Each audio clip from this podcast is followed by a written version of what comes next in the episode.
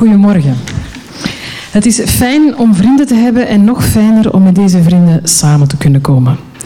Wat geldt op individueel niveau geldt ook voor huizen, instellingen als deze. Het is dan ook met groot genoegen dat de Erfgoedbibliotheek Hendrik Conscience en het Letterhuis hun vrienden, de vrienden van Boek en Letteren U, hier vandaag terug in levende lijven kunnen ontvangen.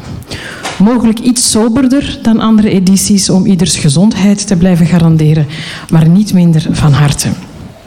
Zoals u weet herbergen en presenteren wij schatkamers. Naast de pracht van de Notteboomzaal ontwerpt de Erfgoedbibliotheek zich over een gigantische collectie waar u uw hart kan ophalen.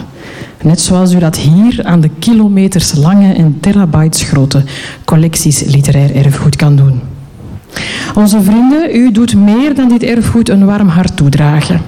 Jullie, zij zijn onze ambassadeurs, ondersteunen ons en dragen bij aan onze uitstraling. Goede vrienden heb je nooit genoeg en ook dat geldt voor onze huizen. Met uw bijdragers, uw steun, kunnen wij bijvoorbeeld waardevolle stukken kopen en laten restaureren. En daar stellen wij uiteraard graag iets tegenover. Dus mensen die daarover graag iets meer weten, kunnen wij daarover meer informatie verschaffen. Actieve ambassadeurs, ik zei het al, met een scherpe blik op de wereld programmeren zij deze reeks duels. Niet alleen om het ondergesneeuwde genre van het duel alle eer aan te doen, maar vooral om die vinger aan die pols te houden. Dank u vrienden, dank u alvast gasten. Ik wens u een pittig en inspirerende ochtend.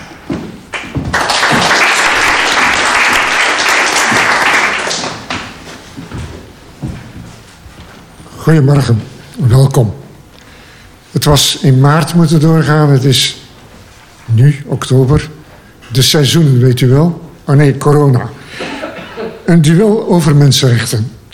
Daar valt toch niet over te duelleren? Iedereen is toch voor rechten van de mens? Sommige ideeën over mensenrechten zijn trouwens zo oud als de beschaving. In Babylon, 1750 voor Christus, formuleerden ze al de beginselen. Rechtvaardigheid, billijkheid en bescherming. Of ligt er toch iets problematischer? En wat nog sterker is, groeien we en groeien er geen opvallende, zeer scherpe meningsverschillen. De rechten van de mens zijn universeel. Dat dachten ze toen ze in de met de Verenigde Naties die afkondigden in 1948. Maar ondertussen lijkt dit niet meer zo eenduidig te zijn. Mensenrechten moet je in de context zien. Zijn cultureel gebonden, wordt er beweerd. En de actualiteit van mensenrechten duikt op om ons heen. Gelijkheid van mensen van, noemt u maar. Heilige strijd op alle punten. In de straat, in de media. Coronamaatregelen die rechten van de mensen zouden schenden. En het lijstje kan lang zijn van discussiepunten. Dat zullen we zo dadelijk wel horen, denk ik.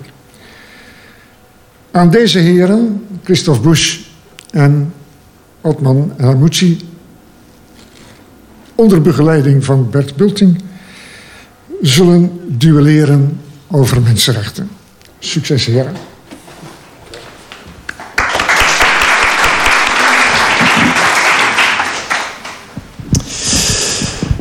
Goedemorgen. Het is uh, op mijn beurt uh, een, uh, een, groot genoegen om jullie hier allemaal te mogen verwelkomen deze zondagochtend. Um, mijn naam is Bill Bultink. Ik ben hoofdredacteur van het nieuwsmagazine Knak. Ik zal eerst even um, de duellisten kort voorstellen. Aan mijn rechterkant, jullie linkerkant, zit meneer El Hamouchi, Otman El Hamouchi.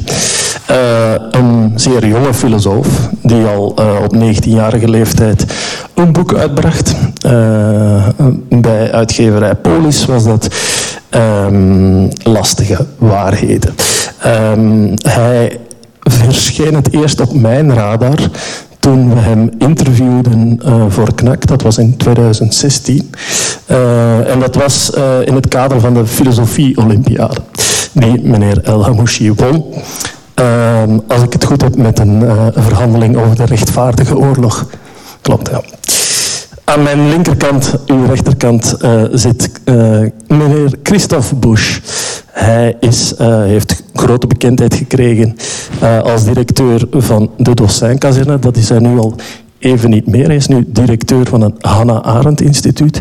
Uh, is criminoloog van opleiding en uh, zeer onderlegd als het gaat over holocaust-studies, uh, maar ook altijd met een focus op het daderperspectief. Um, een lange lijst over mensenrechten zou we een hele dag kunnen vullen zonder enige problemen. Ik ga proberen om het tempo erin te houden. Um, maar misschien heel even als, als korte intro, zodanig dat we dat monster voor de rest van uh, de tijd niet meer moeten uh, benaderen. Corona. Ook corona heeft uh, mensenrechten implicaties gehad. Um, even heel kort de maatregelen die zijn genomen hier in België, Europa en heel de wereld. Die kwamen soms in conflict zijn met uh, de grondrechten, de mensenrechten. Uh, zo zei Johan van Holte, um, die niet alleen ex-vicepremier is, maar ook uh, grondwettelijke rechtsspecialist. Die zei bijvoorbeeld dat de avondklok die hier in Antwerpen is ingesteld ongrondwettelijk zou zijn. Meneer El wat, wat vond u van die uitspraak? Ja, ik moet zeggen dat ik daar in alle eerlijkheid niet zo'n sterke mening over heb. Um, Werkt hem vandaag? Hallo? En zo niet, of het? Nog dicht? Hallo? Ja, oh wauw. Je moet voor elk bijna tegen... Uh, Oké. Nee, ik, moet, ik wil zeggen dat ik daar persoonlijk niet zo'n sterke mening over heb. Um, en ik denk ook dat uh, de hele mobilisering die hier minder heeft plaatsgevonden, maar ook vooral in de Verenigde Staten, rond uh, ja, mensen die met uh, geweren naar de, de lokale parlementen gaan en, en zeggen dat hun, weet ik veel, hun vrijheid is geschonden enzovoort. Ik vind dat allemaal zeer overdreven en zeer ja, banaal eigenlijk. Uh, zeker in vergelijking met andere za de zaken die andere burgers moeten meemaken, zoals in de Verenigde Staten de, de, de, de zwarten die daar uh, disproportioneel vaak worden neergeschoten. Als dat is wat één gemeenschap meemaakt en de andere gemeenschap klaagt dan over mondmaskers, dan vind ik dat eerlijk gezegd een beetje een, een storm in een glas water. Ja, meneer Bush. Um, ik, ik, was wel blij dat er zo'n stem kwam. Uh, omdat ik eerlijk weet dat op momenten dat er heel grote verschuivingen, heel grote maatschappelijke uitdagingen, en ik denk dat de vorige uitdaging was uh, de uitdaging van terrorisme die we gehad hebben, en radicalisering en mensen die vertrekken. Ja, het moment dat er een bom valt, dan gaat eigenlijk uw samenleving in een enorme acceleratie. En dan komt daar angst, onzekerheid. En dan weet je eigenlijk op die momenten dat mensen heel vaak bereid zijn om uh, grondrechten, om structuren die binnen onze rechtsstaat zitten, om die op te geven voor veiligheid, maar vaak ook soms voor een illusie of een gevoel van veiligheid. Dus als ik dan kijk naar hoe Frankrijk uh, in een noodtoestand voor meer dan twee jaar is gegaan, uh, wat er daar gebeurd is van uh, huiszoekingen en, en, zonder controle van rechterlijke macht en zo verder, welk percentage impact, resultaat dat dat heeft, hè, van al die acties, is dan 1% heeft ergens geleid tot een of ander juridisch dossier, en dan denk je van dit is problematisch. Want terrorisme ja, valt natuurlijk op door geweld, maar geweld is slechts een middel om een bepaald doel, om propaganda en ontwrichting te gaan veroorzaken. Nu is het anders, het is een zeer kleine vijand die je hebt, hè, die, die uh, moeilijk is naar perceptie, naar bewustwording en zo verder. En natuurlijk, in het begin, als je helemaal niet weet wat op je afkomt en je ziet de cijfers en de, de communicatie, dan had ik wel het gevoel van, ja, we zitten in een gelijkaardige dynamiek. En uh, is het nu oordeel A of B, grondwettelijk, niet grondwettelijk, het is die discussie die van belang is. Uh, en vandaar dat ik denk van je hebt die stemmen nodig. Zoals dat ik op een bepaald moment ook vond van uh, er is een, een, een, te grote overgewicht van een bepaalde stem die, die heel noodzakelijk en dankbaar was. Met name de virologen, de epidemiologen en zo verder. Waarin ik toch wel dankbaar ben dat daar later ook veel meer dingen bijgekomen zijn. Hè. Maatschappelijk relatiecomité, andere inzichten. En dan ben ik wat verwonderd dat mensen zeggen ja, er zit daar diversiteit op en stem en tegen Zo, ja, dat is wat wetenschap doet. Want elke discipline brengt nieuwe inzichten. En natuurlijk is er een primaat van epidemiologische kennis die we nodig hebben. Maar langs de andere kant, dit is hoe wetenschap werkt. En het is aan de politiek om daar dan aan de hand van al die reflecties en, en, en tegenspraken en zo verder beslissingen in te nemen. Laten we even teruggaan naar het begin nu. 1948, uh, op het moment dat er vliegtuigen over Parijs vliegen om Moskou te bevoorraden, wordt de universele verklaring van de rechten van de mens ondertekend in de Franse hoofdstad. Ehm, het werk daarvoor begint in 1946 al. Uh, de bekendste uh, vrouw die er uh, mee verbonden is, is Eleanor Roosevelt, die voorzitter was van het redactiecomité. Um, en de man die uiteindelijk de Nobelprijs zou winnen voor zijn werk uh, voor die universele verklaring, was René Cassin, een Fransman die eerder wijdlopig schreef. Er waren nog een heleboel andere mensen bij betrokken. Hij is het meest bekend. Zijn uh, erfenis en zijn relevantie in het werk is ook gecontesteerd, maar in alle geval, hij, uh, is, zijn naam is er zeker aan verbonden. Um, Meneer Bush, ik, ik zou, omdat het uh, de geboorte van die verklaring van de rechten van de mens, dat die helemaal kadert uh, in de nasleep van de Tweede Wereldoorlog, zou ik graag eens aan u willen vragen hoe u precies um, die totstandkoming van uh, dat document ziet. Want er wordt gezegd, en dat is door een aantal critici van het universele statuut van die verklaring, wordt gezegd van ja, dit is eigenlijk een verklaring die is opgesteld door de winnaars van de oorlog met name Frankrijk, Groot-Brittannië, Verenigde Staten en Rusland. Hoe ziet u dat precies? Ja, ik, ik denk natuurlijk dat de voorgeschiedenis van de Eerste Wereldoorlog, de heel turbulente periode in de westerse context dan van uh, de Weimar-republiek, Tweede Wereldoorlog, uh, militaire burgerslachtoffers en dan de holocaustslachtoffers, is natuurlijk het landschap, de context waarin dit komt. Uh, het is eigenlijk heel evident ook, omdat dat in verschillende historische episodes is, dat de overwinnaars grotendeels bepalen natuurlijk wat de nieuwe orde zal uitbestaan. je kan gaan zeggen dat dat de Eerste Wereldoorlog, maar de Tweede Wereldoorlog nog veel meer, dat daar een enorme herschaping is van een nieuwe wereldorde die ontstaat. En wat ik heel waardevol acht, is dat vanuit dat onnoemelijke leed dat daar komt, dat daar een tendens van harmonisering start, die zich heel westers initieert natuurlijk na de Tweede Wereldoorlog, en die zich in heel veel zaken begint te vertalen. Je hebt het begin van de Europese natievorming, je hebt uh, de verklaring, je hebt allerhande verdragen die dat in rechtsleernormen uh, gaat gaan omzetten. Je hebt uh, internationaal strafrecht dat ontstaat. De praktijk die je ook uh, ziet ingevuld worden tot het, het, internationaal strafhof in Den Haag. Waarin ik denk het laatste grote wapenfeit ook de val van de muur is. En ik denk dat dat een, een soort verlangen is die heel erg bij de founding fathers van Europa, bij de mensen die met deze verklaring bezig waren van laat ons lessen trekken uit dat verleden en laat ons maken dat de verschilpunten, en dan meer ook de natiestaatconflicten die we daarvoor gekend hebben, trachten te verhinderen en naar de kern door te gaan. Um, is dat evident gekoppeld aan, aan uh, het Westen en aan die ja, tuurlijk. Ik denk dat, denk dat te maken heeft met de dominantie op dat moment, uh, de voorgeschiedenis van het westers imperialisme en, en ook alle negatieve zaken.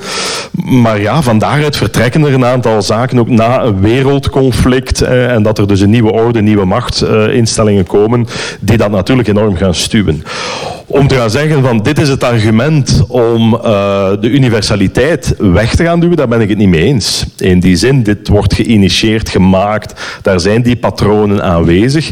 Maar het zijn wel 194 landen bij de Verenigde Naties die dit goedkeuren en zeggen ja, wij staan daarachter. Uh, dus ik denk dat dat een heel belangrijk, uh, ja, formele kwestie ook is. Maar als je naar de kern gaat, het is juist in de inleiding al gezegd, ja, mensenrechten zijn niet, ja, het is in een verklaring gegoten, maar zijn niet nieuw. Ik bedoel, je hebt Chinese initiatieven, Babylonische initiatieven, Arabische initiatieven. Daar zit evidente verschil op, naar gelang context en plaats en, en, en zo verder. Um, maar het komt in, in acceleratie na de grote systeemoorlog die we gekend hebben.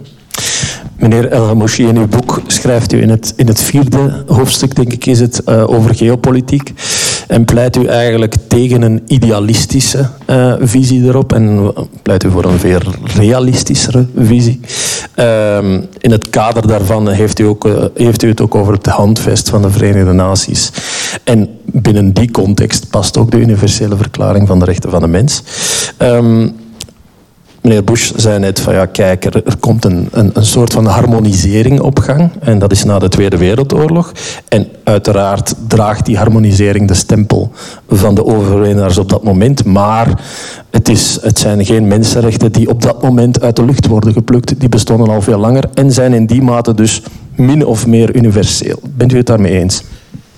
Ja, ik weet niet in welke mate dat je de geopolitieke discussie moet gaan vermengen met de uh, de mensenrechtelijke discussie of de discussie over uh, rechten en vrijheden die elk individu op aarde moet genieten.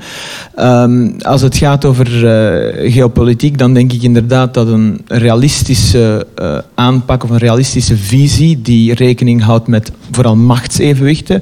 Moet, moet je herinneren dat voor ehm, het idealisme van de Tweede Wereldoorlog dat grotendeels was gebouwd op de totale overwinning inderdaad, van de geallieerden na de Tweede Wereldoorlog, had je veel meer in Europa een notie dat er een machtsevenwicht moest bestaan. Het concept van, van Europa na de Napoleontische oorlogen, uh, waarin dat... Uh, dat men zei, ja kijk, als, uh, als wij een duurzame, echte vrede willen, dan moeten we gaan rekening houden met reëel bestaande uh, machtsdynamieken die, die bestaan in Europa. En we moeten ervoor zorgen dat geen enkel machtsblok uh, ja, de ander, een, kans ziet om de ander uh, volledig te gaan onderwerpen. En dat, dat zal de oorlog vermijden. En dus als we in, in dat geopolitiek opzicht gaan kijken naar de wereld dan zie je vaak dat het mensenrechtenethos wordt gebruikt om bepaalde vormen van imperialisme te gaan uh, rechtvaardigen ten onrechte, maar uh, dat wordt daar wel voor gebruikt. Ik denk dat men veel meer aangewezen is om geopolitieke situaties te begrijpen in termen van wie, wiens belangen zijn daarmee gemoeid, uh, wie probeert hier zijn, voilà, zijn invloed te vergroten. Nu, als het aankomt op de inhoud van mensenrechten en de universaliteit daarvan, dan zou mijn kritiek van heel andere aard zijn, namelijk het feit dat uh, heel veel westerse landen vanaf het begin, maar uh, van vandaag uh, steeds vaker en steeds meer, een soort van uitzondering willen voor zichzelf van die universaliteit. Dus um, uh, om een voorbeeld te geven, hier in, in België, maar ook in Frankrijk, heb je dat in naam van uh, republikeinse waarden in Frankrijk, of hier onze waarden en normen, worden er allerhand, allerhande islamitische praktijken verboden, zoals hoofddoeken en, en de niqab en, en uh, halal voedsel enzovoort. En dat is allemaal in naam van onze waarden. Maar wanneer andere landen dan op, op gelijkaardige democratische manier hun waarden proberen op te leggen aan hun bevolking, dan heet dat een mensenrechten schending. Ik bedoel, waarom heeft België het recht om in naam van onze waarden aan mijn moeder te vertellen hoe ze, hoe ze gekleed moet gaan, hoe ze moet gaan zwemmen, et cetera, of wat ze moet eten? En heeft Iran het recht niet om aan haar bevolking op te leggen hoe dat zij gekleed moeten gaan? Dus ofwel heb je een universaliteit die echt is, zonder enige vorm van westers exceptionalisme, waar ik een voorstander van ben. En... Uh, en ik denk dat een, een, een, belangrijk probleem dat zich stelt bij die kwestie van het universalisme de vorm is van de mensenrechten.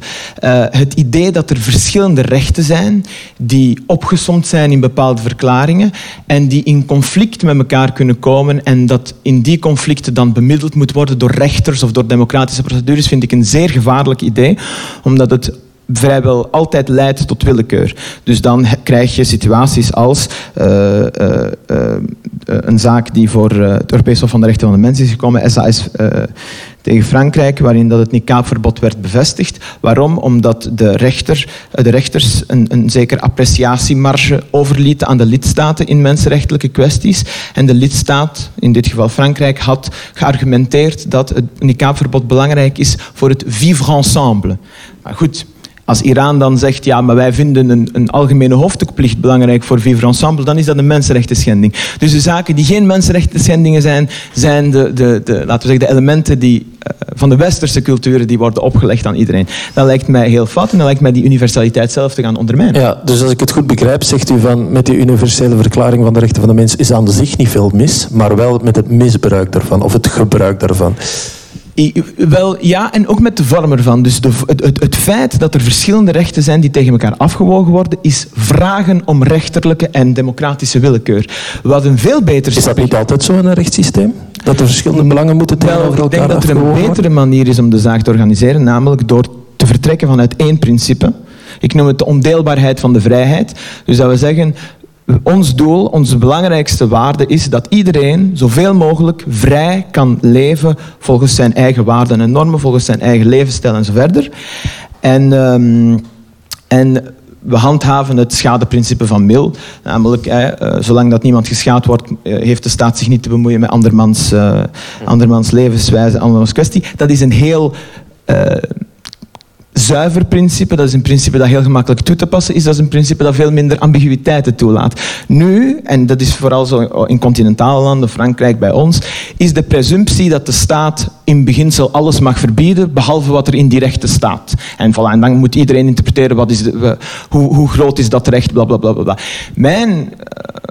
Uh, uh, manier van naar de zaken te kijken, die veel meer anglo-saxisch is, die veel meer uh, uh, gebaseerd is op uh, de liberale, het liberale erfgoed van 1688 en de Glorious Revolution en de Amerikaanse revolutie, is de staat mag niets verbieden tenzij het noodzakelijk is voor voilà, ja. het beschermen van mensen. En als ik nog één ding mag toevoegen, de, de willekeur en het, het, de, de, de, uitzon, het, de uitzonderlijke status die westerse landen zichzelf toedichten in die mensenrechten kwesties, dus wij mogen dit en dit verbieden en wij mogen mensen hun vrijheid inperken, maar jullie niet, leidt ertoe dat in derde wereldlanden de mensenrechten en de vrijheid enorm worden ondermijnd. Dus ik weet, ik, dat is iets dat ik mij nog herinner. Enfin, niet uh, zelf maar ik, ik heb het als heel jong meegemaakt dat, dat er een discussie was die heel vaak wordt heruitgezonden op Al Jazeera tussen Yusuf Qaradawi, de, de grote geestelijke leider van de moslimbroeders, en een, een, bekende Syrische seculiere denker, Jalal al-Azm. En, en daarin argumenteerde Karadawi, en daarin heeft hij helemaal gelijk. Hij zei, ja kijk, u, u, predikt mensenrechten, u predikt secularisme, maar kijk wat men in Frankrijk aan de moslims aandoet. Ze mogen geen hoofddoek dragen. Is dat vrijheid? Waarom moeten wij toelaten dat onze waarden worden geschonden en, uh, en Frankrijk niet? Dus voilà. Ja het hoofddoekenverbod. Uh, verbod, het, het moest ervan komen en het kwam er al heel vroeg van. Uh, meneer Bush, vindt u, net als meneer Al-Hamouchi, dat het uh, dat hoofddoekenverbod eigenlijk uh, schade toebrengt aan de reputatie van de rechten van de mens? Goh, ik ga niet op het hoofddoekendebat komen als voorbeeld. Um, wat ik denk is dat um, het mensenrechten corpus dat je hebt, zowel in de verklaring als in de verdragen en zo verder, uh, is richtinggevend. Samenleven is ambigu. Ik bedoel, je gaat geen, geen heldere uh, oplossingen vinden met, met duidelijke rechte lijnen te gaan trekken. Er zijn er een aantal in het Mensenrechtenverklaring ingenomen die absoluut zijn. Het uh, verbod op folteren, uh, het, het, ja, dat is heel absoluut. Daar kan je niet over discussiëren. De andere zaken die moeten afgewogen tegenover, tegenover elkaar. Je moet dus dat gehele pakket in zijn totaliteit zien. En dat maakt eigenlijk dat uh, de verklaring of de verdragen eigenlijk een soort uh, richtinggevend instrument, een kompas zijn. En ik denk dat dat heel erg belangrijk is. Dat wil ook zeggen dat je uitgaat van de eeuwige permanente dialoog. En in een rechtsstaat is dat evident via uw structuren, instituties die uw rechtsstaat gaan ondersteunen. Dus dat maakt dat het uh, op verschillende echelons kan gebruikt worden. In het maatschappelijk debat tot uiteindelijk bij het Europees Hof en zo verder. Um, ik denk dat dat voor mij veel belangrijker is. Waar is het volgens mij scheefgelopen in het hoofddoekendebat? Ik volg een aantal terechte kritieken. Hè, doordat je dat juist geeft op hoe uh, het mensenrechtendiscours wordt gebruikt soms heel goed, maar ook wordt misbruikt. Hè. Soms hoor ik een pleidooi waarin een of andere frustratie in een mensrechtenterm wordt uh, vertaald. Dat ik denk van ja, maar dit is naast de kwestie, daar is dat verdrag niet voor bedoeld. Nu gebruikt je een bepaalde taal en een bepaald ja, systeem om je argument kracht bij te zetten, maar dit heeft eigenlijk volgens mij niets te maken met mensenrechten. Uh, bij het hoofddoekendebat denk ik dat er een enorm groot probleem is geweest, uh, omdat de wijze waarop het gevoerd is, heeft heel veel te maken met hoe gaan wij om met de super superdiversiteit of de hyperdiverse steden die wij gaan hebben? Hoe gaan wij om met verander sociale veranderingsprocessen, uh, een grote migratie, uh, diversiteit, ja, ontwrichting eigenlijk door zaken waar dan we geen ervaring of ook geen, geen begripsvermogen van hebben. En dan heb ik eigenlijk vooral gemerkt dat in België de discussie over uh, het hoofddoekendebat bijzonder toxisch polariserend geworden is. Het is niet helder gemaakt. Voor mij is het helderder als je eigenlijk de vraag stelt van eh, wat is nu het onderwerp dat onder deze symbool discussie zit. we zijn over Zwarte Piet bezig, over hoofddoeken bezig, over onze kerststalken of wintermarkt bezig. Eigenlijk zijn dat zaken waar er heel veel wazigheid rond is en waar er verschillende onderwerpen onder zitten. voor mij bijvoorbeeld het hoofddoekendebat moet je helder maken, waar praat je over? Als ik Daria Safai hoor praten over hoofddoeken, dan heeft ze het over de positie van de vrouw binnen een samenleving, binnen een staat en zo verder. Dan denk ik, ja, praat dan daarover. En praat daarover in een format waarin je de diversiteit mee incalculeert, waarin je geen dynamiek hebt dat leidt tot slechte, goede groepen, achterlijke groepen, inferieure groepen versus superieure groepen. Want dit doet eigenlijk je afglijden in een toxische polarisatie. En dat wil zeggen dat als je uh, een debat gaat doen, we komen af met hoofddoekendebat en denk van ja, maar waarover gaat het? Aan vrouwenrechten. Een ander thema kan neutraliteit van de rechtsstaat zijn, dan moet je daarover discussiëren. Maar als het over vrouwenrechten gaat je zit met een diversiteit van uh, gemeenschappen in je samenleving, dan ga je onmiddellijk gaan zien dat elke gemeenschap uitdagingen heeft omtrent vrouwenrechten. Dat zal een aantal gekende uitdagingen zijn binnen de islamitische gemeenschap op vlak van positie van de vrouw, op vlak van uh, onderdrukking van eigen keuzes, onderdrukking van mensenrechten die in de verklaring staan enzovoort. Dat zal daar een probleem zijn. Dat weten we. Ja? Je gaat evengoed een probleem hebben in de Vlaamse gemeenschap, als ik het zo mag benoemen, van uh, het glazen plafond. Waarin we weten dat vrouwen voor dezelfde job hè, eigenlijk minder betaald worden dan, ja, dat is dan een onderdeel van ons probleem qua positie van de vrouw. Maar wat je eigenlijk doet, is uh, niet zozeer gaan schermen met, uh, ja, dat is die groep, die beslist dat, dat is tegen de mensenrechten, dus dat zijn slechte mensen dan denk je van dat is waar in verzand geraken. En dan krijg je natuurlijk discussies over wel of geen hoofddoek, over um, uh, ja, bepaalde discussies als het gaat over uh, in het onderwijs. Wat kan er nu wel, wat kan er nu niet? Het GO-onderwijs beslist om dat dan niet te doen. Ik denk dat dat niet de juiste keuze is, uh, persoonlijk. Ik denk dat je inderdaad, als je zo die algehele maatregelen oplegt, dat je daar heel voorzichtig mee moet zijn met mensenrechten. Maar dat je weer die dialoog en die essentie in die onderwerpen centraal moet gaan plaatsen. En daarin is de mensen mensenrechtenverklaring is een, is een kompas, is richtinggevend om de discussie aan te gaan, om de werkelijke problemen aan te pakken. En wat ik zie, helaas, is dat politiek speelt daar enorm op in.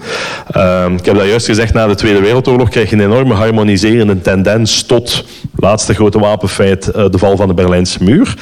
Maar heel veel auteurs wijzen erop dat vanaf 2001, sommigen zeggen 9-11, anderen zeggen Arabische lente, sommigen zeggen, uh, zullen ze het nu met corona koppelen. Uh, in ieder geval in dat nieuwe millennium zie je dat daar een verandering is. En dat we wel weggaan van een heel harmoniserende tendens, met al die wapenfeiten waarvan dit er een is, waarin je nu in een enorme polariserende en tribaliserende dynamiek terechtkomt, waarin natuurlijk evident de instrumenten of de, de, de producten die te maken hebben met die harmoniserende tendens daarvoor onder vuur komen te staan. Dat is een interessant punt, omdat dat ook um, implicaties zou kunnen hebben voor de inschatting van de uh, ja, efficiëntie van de rechten van de mens. Um, als u zegt van ja, er was een harmoniserende tendens na de Tweede Wereldoorlog, dat denk ik is heel duidelijk. Hè.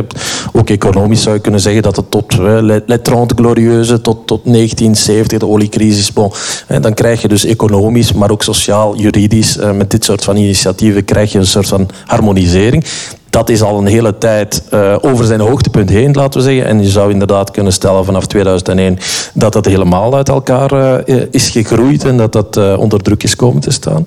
Maar de vraag is dan eigenlijk van, het is heel duidelijk dat die verklaring van de rechten van de mens in dat eerste, laten we zeggen vlak na de Wereldoorlog en, en een aantal decennia daarna zeer efficiënt is gebleken, omdat er inderdaad een groei was. Nu is de vraag, is het nu efficiënt om met dit soort van dingen te gaan schermen? En dan, en dan verwijs ik ook naar wat meneer El Mouchi zei. Van ja, klopt dat nog wel? En, en wordt de legitimiteit van die verklaring van de rechten van de mensen niet ondergraven door het feit dat die ja, ingezet wordt in debatten, zoals u het zelf heeft geschetst, waar dat die eigenlijk niet thuis hoort? Ja, wel, ik denk dat daarin um, de ontstaansgeschiedenis, zoals we dat juist zeggen, na de Tweede Wereldoorlog, in die heel harmoniserende tendens, wordt dit gemaakt vanuit een soort cosmopolitisch uitgangspunt. Hè. Vooral van nooit meer oorlog, nooit meer hè, uh, deze fenomenen die we recentelijk hebben meegemaakt. Um, wat je eigenlijk ziet, dat is dat mensenrechten, maar pak nu bijvoorbeeld ook de Europese situatie, de Europese natievorming die we dan uh, gestart zijn daarna, die komt ook onder druk te staan. En je ziet bijvoorbeeld dat Europa, uh, in mijn oordeel, uh, heel weinig werk gemaakt heeft om die omslag naar de nieuwe realiteit, naar de nieuwe uitdagingen te maken. Ik heb zelf geen, uh, in mijn schoolse opgroeicarrière geen Europese identiteitsslag gekregen. Iemand die dat wel krijgt, is iemand die vaak naar een Europese school is gegaan. Hè. Dan ga je daar zo een, een, laag krijgen. Ik niet. Ik heb eigenlijk een groter Europees besef gekregen dankzij Geert Mak. Eh, zijn boek en dan de reeks. En dan was zo plotseling van, ah, wat dat daar gebeurt in Hongarije, ja, dat heeft eigenlijk met ons te maken en ja. daar en daar. Dus goed, wat je natuurlijk merkt is dat voor heel veel mensen wat Europese identiteit of die harmoniserende effecten, dat men dat niet genoeg ervaart, dat men dat als het ware een automatisme accepteert dat dat zo is. Dat is natuurlijk niet zo. Dat hangt af van, van die, die, ja, die ontstaansgeschiedenis waarvan wij nu generaties hebben die geen connectie niet meer hebben met die ontstaansgeschiedenis. Als ik vraag aan jongeren waarom is Europa daar, ah meneer, dat is voor die een uh, 4G of 5G binnenkort, uh, dat is gemakkelijk en die een euro kunnen vlot van links naar rechts reizen. Ja, dat is kwatsch. Europa is geen toeristisch project geweest. Ja. Maar het zegt wel iets dat jongeren dit, dit antwoorden ja. vandaag. Dus waar heeft Europa niet in geslaagd, denk ik, in uh, een stuk die Europese identiteit, of minder in geslaagd, die Europese identiteit te gaan vormen, maar ook een evolutieproces in een andere wereld. Van een heel westers dominant gerichte imperialistische wereld naar een multipolaire wereld waarin we nu duidelijk al zitten.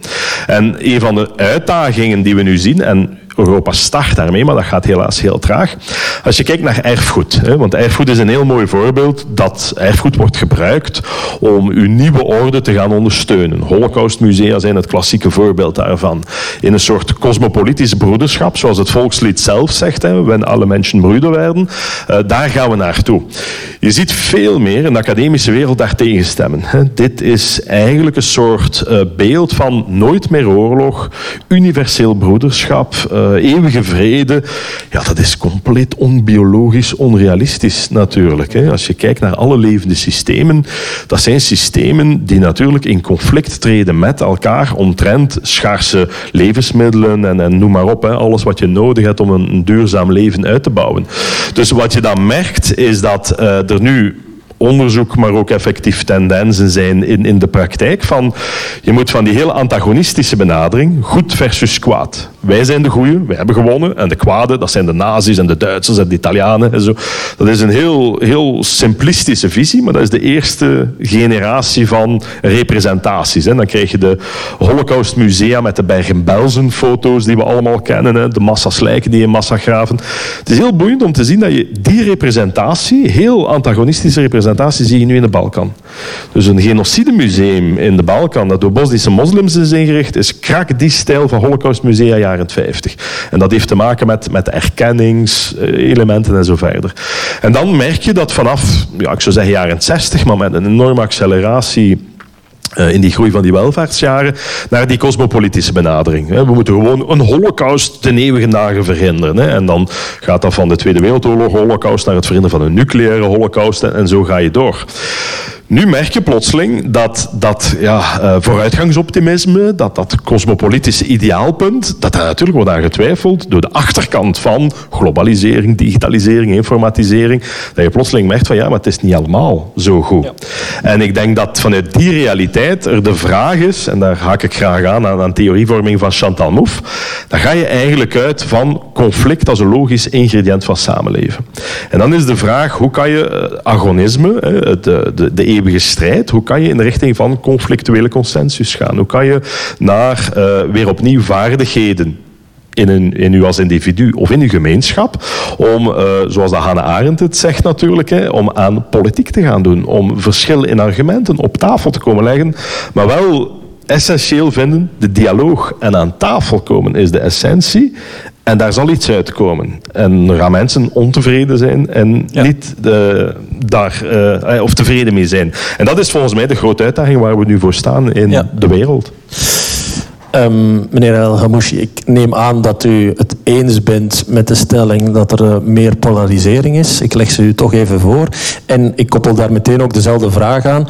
Kunnen de mensenrechten in dat debat een, uh, een efficiënte rol spelen? Is het nuttig om met mensenrechten te gaan schermen op het moment dat uh, polarisering om zich heen grijpt? Um, dat is een goede vraag. Ik denk dat ik denk wel dat het zo is dat, um, dat de moraal, de morele basis van de naoorlogse wereld was uh, de overwinning op de nazi's en, uh, en de holocaust. En ik denk dat heel veel uh, van die moraal er alleen maar op gericht was inderdaad om dat te vermijden. Maar ik denk ook dat er geen andere mogelijke basis kan zijn voor een consensus. Um, en dus daarom ja, voel ik me heel erg ongemakkelijk bij wat uh, meneer Bougier zegt over uh, Chantal Mouffe. inderdaad, je, Chantal Mouffe is de grote theoreticus van het agonisme en van ja, een politiek die gebaseerd is op conflicten op tafel brengen en dan democratisch gaan zitten oplossen. Ik noem dat persoonlijk democratisch dogmatisme. Want het soort conflicten dat je naar boven gaat halen en die dan beslecht moeten worden, zullen gaan over zeer fundamentele kwesties. En dat is wat, wat, wat we nu zien. De kwesties die boven komen drijven is, zijn mensen met een andere huidskleur, ander geloof, ander dit of dat gelijkwaardig? En dan ga je hebben, wat, wat, wat mevrouw Moef, wat professor Moef doet en wat de aanhangers van dit democratisch dogmatisme doen, is bepaalde discussies legitimeren die eigenlijk uh, lange tijd taboe waren, juist omwille van die holocaust en juist omwille van de gruwelen van de Tweede Wereldoorlog. Na de, na de Tweede Wereldoorlog hebben we beslist, we gaan nooit meer in vraag stellen dat één gemeenschap uh, ja, minderwaardig is, achterlijk, raciaal inferieur, weet ik veel wat.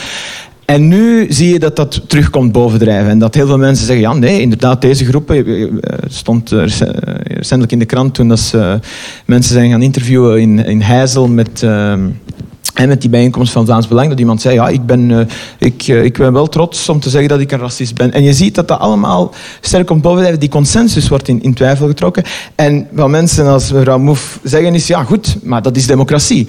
En in zekere zin heeft ze gelijk. Maar daar, dan wil ik zeggen dat democratie in die zin, namelijk democratie in de zin van absolute uh, volkssoevereiniteit, democratie in de zin, uh, de, wat, de, ook een van de, mijn grote problemen met de, de, de mensenrechtendocumenten, die zeggen dat de, de, de autoriteit van de staat fundamenteel gebaseerd is op de wil van het volk. Dat is een recept voor de gruwelen van de 20e eeuw. Want in de 20e eeuw was in heel veel landen de wil van het volk dat grote groepen mensen moesten vergast worden.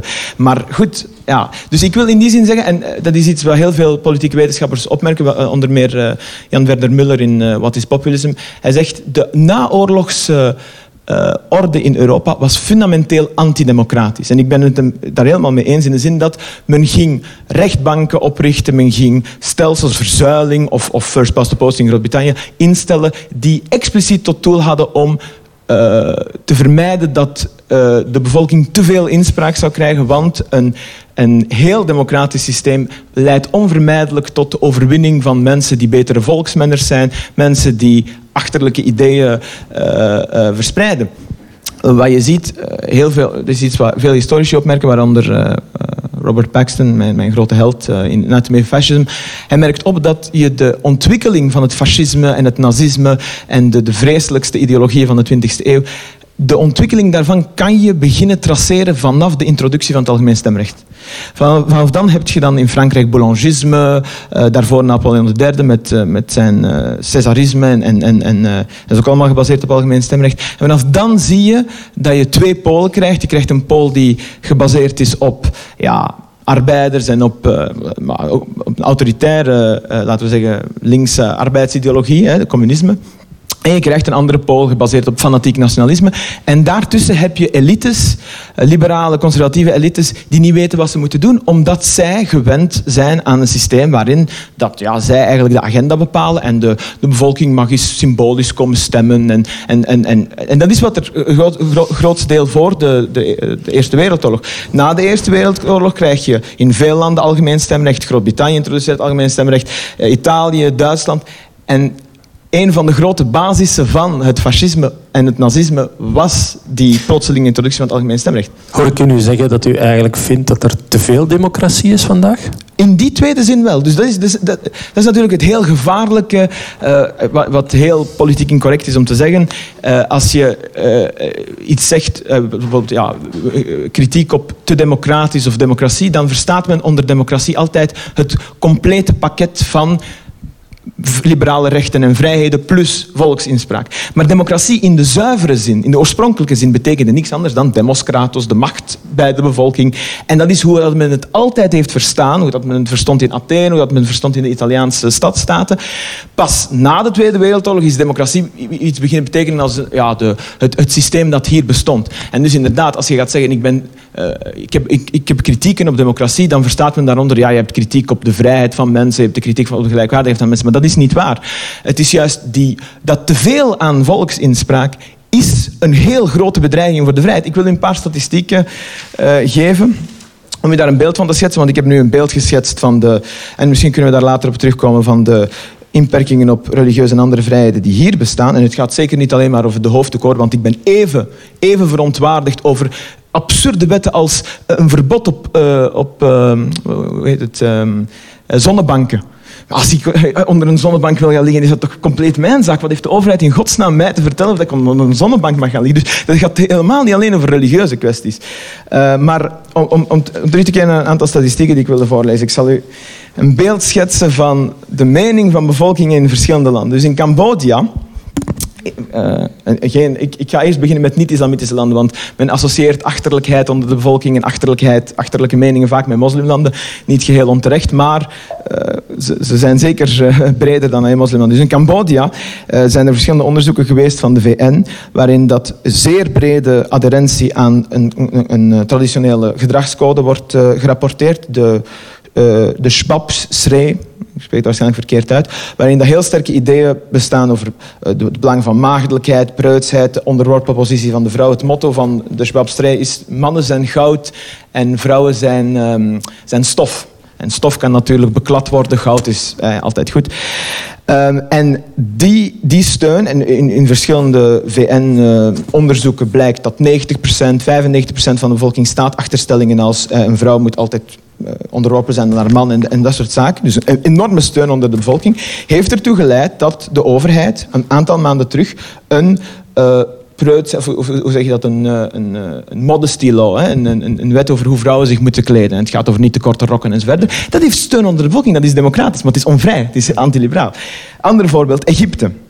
Volgens World Values Survey uh, wilt uh, 84% van de Egyptische bevolking geen homoseksueel als buur. 93% uh, vindt homoseksualiteit moreel fout. 95% zegt dat homoseksuelen niet aanvaard moeten worden door de samenleving. 64%, 64%, bijna twee derde, wil de doodstraf voor afvalligheid. En wat is daar het gevolg van? In Egypte zij is er inderdaad wetten tegen ja. homoseksualiteit die 17-jarige straf daarvoor opleggen. En Als ik u daar even mag, mag onderbreken, want het is een, een hele boterham ondertussen en ik denk dat meneer Bush wel wil reageren. Ik vat heel kort en ook een beetje kort door de bocht samen. Er is te veel democratie. Um, ja, ik vind dat niet natuurlijk. Uh, ik denk in de eerste plaats, uh, ja, de, de, de, de, voorbeelden die je aanhaalt, zeg je natuurlijk van, goed hier, dit is wat het volk wilt en daardoor komen we in de problemen. En op die wijze is democratie een, een probleem. Nu, ja, nazisme ken ik nu redelijk goed natuurlijk. Als je gaat gaan kijken, daarin is een stuk de, de zwakheden van een democratisch bestel uitgebuit in combinatie met uh, ideologie, nieuwe communicatietechnologie en zo verder, om natuurlijk de democratie zelf aan te vallen. Hè. Je gaat mij nu toch niet zeggen dat uh, de holocaust en alle andere miserie uit die Tweede Wereldoorlog, dat dat het resultaat was van een democratisch proces van het volk. Ik denk dat dat eigenlijk gekomen is waarin een machtselite, de zwakheden van een democratie of van een heel zoekende samenleving, uh, hoe je met democratie moet omgaan, waarin er de macht van het volk is gebruikt om een dictatuur te gaan installeren en vanuit een op dat moment biologisch raciale dictatoriale macht tot die geweldsfenomenen te komen. Um, dan zijn er heel veel zaken waar dat ik het kan volgen van eh, achteraf na de Tweede Wereldoorlog, wie hebben is niet gewoest en zo. Dat is kwatsch. Ik bedoel, die kampen beginnen al in 33, die zijn al redelijk duidelijk. En dan komt er ook oorlog. En oorlog zorgt altijd voor heel snelle geweldsacceleratie. Maar het argument is een stuk omdraaien wat je doet. Hè. Je zegt van ja, maar ja, die, die eeuwige dialoog waar Chantal Mouffe voor gaat en die strijd, ja, dat is dogmatisch. Ja, ik denk net niet. Als er nu iets niet dogmatisch is, dan is het inderdaad maken dat je daarin een structuur en een praktijk hanteert om continu correcties op macht, machtsafglijden te gaan doen. Ik denk dat dat een stuk de essentie van democratie is. Uh, die democratie is natuurlijk niet feilloos. Hè. Denk aan, aan de quote van Churchill die zegt het is het minst slechte systeem. En ze moeten inderdaad wel nadenken, nadenken over hoe tolerant zijn we voor de intoleranten en al die vraagstukken. Maar um, het gaan zeggen nu dat heel veel geweld en leed te maken heeft met een uh, democratisch kanaal waarin de, de, de Vox Populi plotseling dan uh, dat gaan doen, ja, dan denk ik niet dat dat, uh, dat een correcte analyse is, dat de democratie daartoe aanleidingen geeft.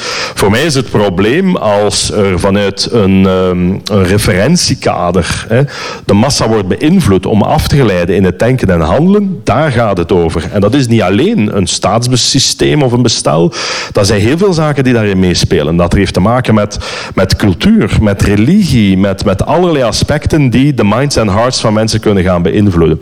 En als je dan gaat kijken naar wat de oorzaak van geweld is, heel vaak, dan is het voor mij afgeleidende referentiekaders. Die door tal van mogelijke instrumenten uh, worden gemanipuleerd. En dan zie je bijvoorbeeld uh, vandaag, hè, zie ik het, hoe dat onze democratie zijn interne zwakheid, uitdagingen heeft met hoe gaan wij om met complotdenken, hoe gaan wij om met uh, beïnvloeding van desinformatie vanuit Rusland, allemaal van minder democratische landen, op onze context. En dat is natuurlijk moeilijk. In Turkije hebben ze dat veel gemakkelijker, want daar trekken ze de draad van Twitter uit. Binnen bepaalde religieuze contexten zeggen ze van, ja maar ja, dat werkt zo, waarom? Ah ja, is gezegd of dat is de profeet. Of, ja, dat zijn natuurlijk zaken die, die op een heel andere leest geschoeid zijn. En ik denk dat de democratie moet nadenken binnen uw structurele zwakheden die je hebt. Hoe ga je oplossingen gaan doen zodat mensen niet afglijden? Want ik ben het ermee eens dat niet instellingen voor onze veiligheid zorgen. Het zijn altijd de mensen die in die instellingen werken, ondersteunen enzovoort. Het is het volk waar het in essentie voor mij over gaat. Maar het is wel, volgens mij, onnoemelijk bewezen dat daar waar er een democratische praktijk is, waarin er allerlei rechten worden voorzien om in die dialoog en die diversiteit naar boven te laten komen, dat er de beste correcties op machtsafgeleiden zijn. En het track record is daarin dat we eigenlijk al een hele lange termijn zonder majeure grote conflicten zijn. Ze zijn er zeker geweest, de Balkan en zo verder, maar geen systeemoorlogen meer. En dan denk ik van, dat is wel een verdienst dat ik denk dat op de konto van de democratie geschreven kan worden. Maar ik, ik denk dat u de truc gebruikt die ik net heb genoemd, namelijk door de twee zinnen van democratie met elkaar te vermengen. Dus hoe dat u de democratie nu gebruikt, is het een systeem van rechten, een systeem van gelijkheid enzovoort, en volksparticipatie. Maar dat is niet dat ik democratie wil gebruiken. Dus we kunnen misschien, eh, om de nomenclatuur te vermijden, het louter hebben over volksparticipatie. En in die zin denk ik dat het onbetwistbaar is dat het de volksparticipatie was in Duitsland die de nazi's aan de macht heeft gebracht. De nazi's waren de meest populaire partij, 37% in 32, 33 in 1933. Um, heel veel historici uh, merken dat ook op. Trouwens, het is bijvoorbeeld... Uh, maar mag ik je zeggen, aan de macht gebracht? Ja. Maar op een bepaald moment als je ze aan de macht brengt, ben je toch de macht kwijt. Waar is de stem van het volk op het moment dat er partijstaat er komt, dat er een heel referentiekader via onderwijs, raciaal-biologische educatie, waarin mensen afglijden in een raciaal-biologisch denken, en dat dat natuurlijk verder zorgt voor het afglijden van die staat. Maar dan is het toch het volk dat inderdaad die zaken mogelijk gemaakt heeft, gefaciliteerd om mede, om, om mede met communicatietechnologie, radio's, eh, beeldjournalen, heel listig het beeld gaan inzetten. Maar op dat moment dat je het doet, ben je toch kwijt. Waar is de volksparticipatie in Nazi-Duitsland dan? Goed, ik, ik, ik, zal dan twee zaken onderscheiden. Om te beginnen, om, om een voorbeeld te geven van volksparticipatie die is behouden na het aantreden van achterlijke uh, mensen. Egypte, 2010 uh, moslimbroeders winnen een immense meerderheid. Ze hebben het parlement toen niet afgebroken, maar ze hebben wel allerlei wetten gestemd tegen homoseksuelen, tegen atheïsten, tegen... enzovoort. Dat, dat was het volk. En het volk is zijn macht toen niet kwijtgeraakt. Maar ik wil zeggen dat het mij tot totaal niet uitmaakt hoeveel procent van de bevolking stemt dat atheïsten moeten worden vermoord of weet ik veel wat. Dat interesseert mij helemaal niet. Vrijheid is een veel belangrijker principe dan ja, de wil van het volk. Dus dat is één ding dat ik wil zeggen. Tweede ding over Nazi-Duitsland.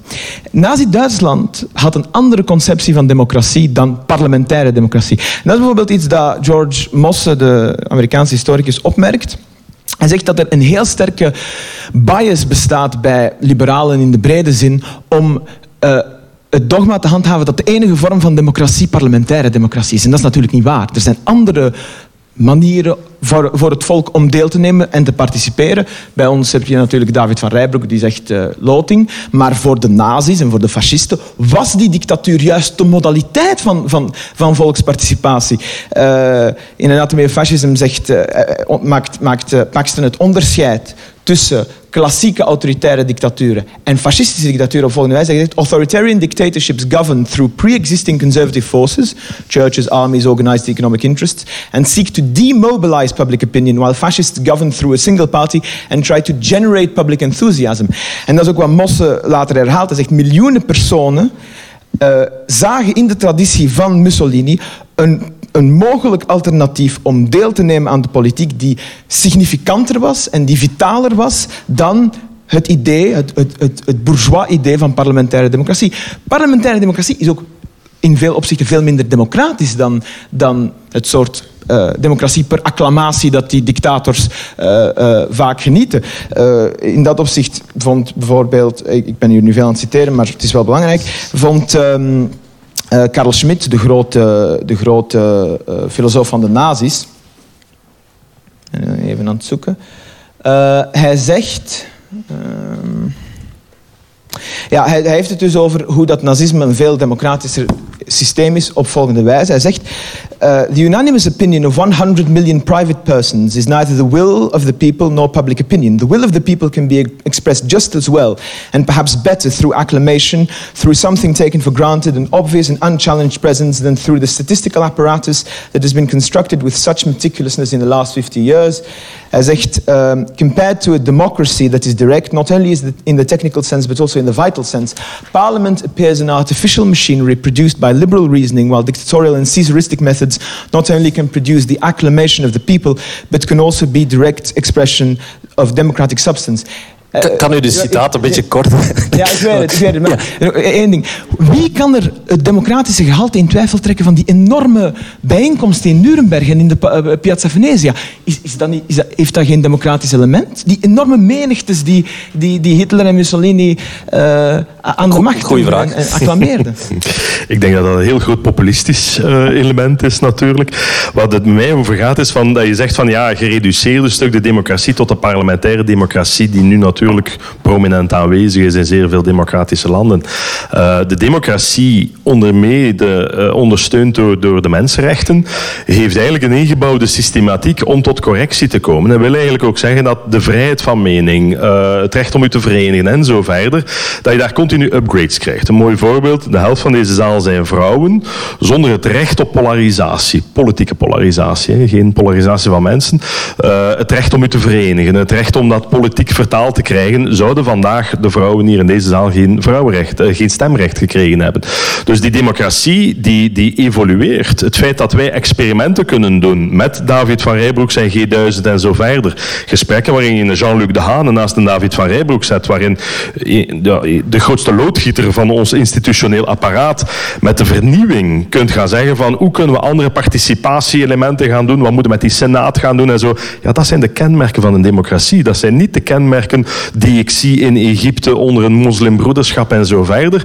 En dan denk je natuurlijk, ja, het is, een drogredenering om te gaan zeggen van de, de, de volksparticipatie in Nazi-Duitsland, ze staan er allemaal in een uniform. Dat is helemaal geen democratie, dat is helemaal geen participatie.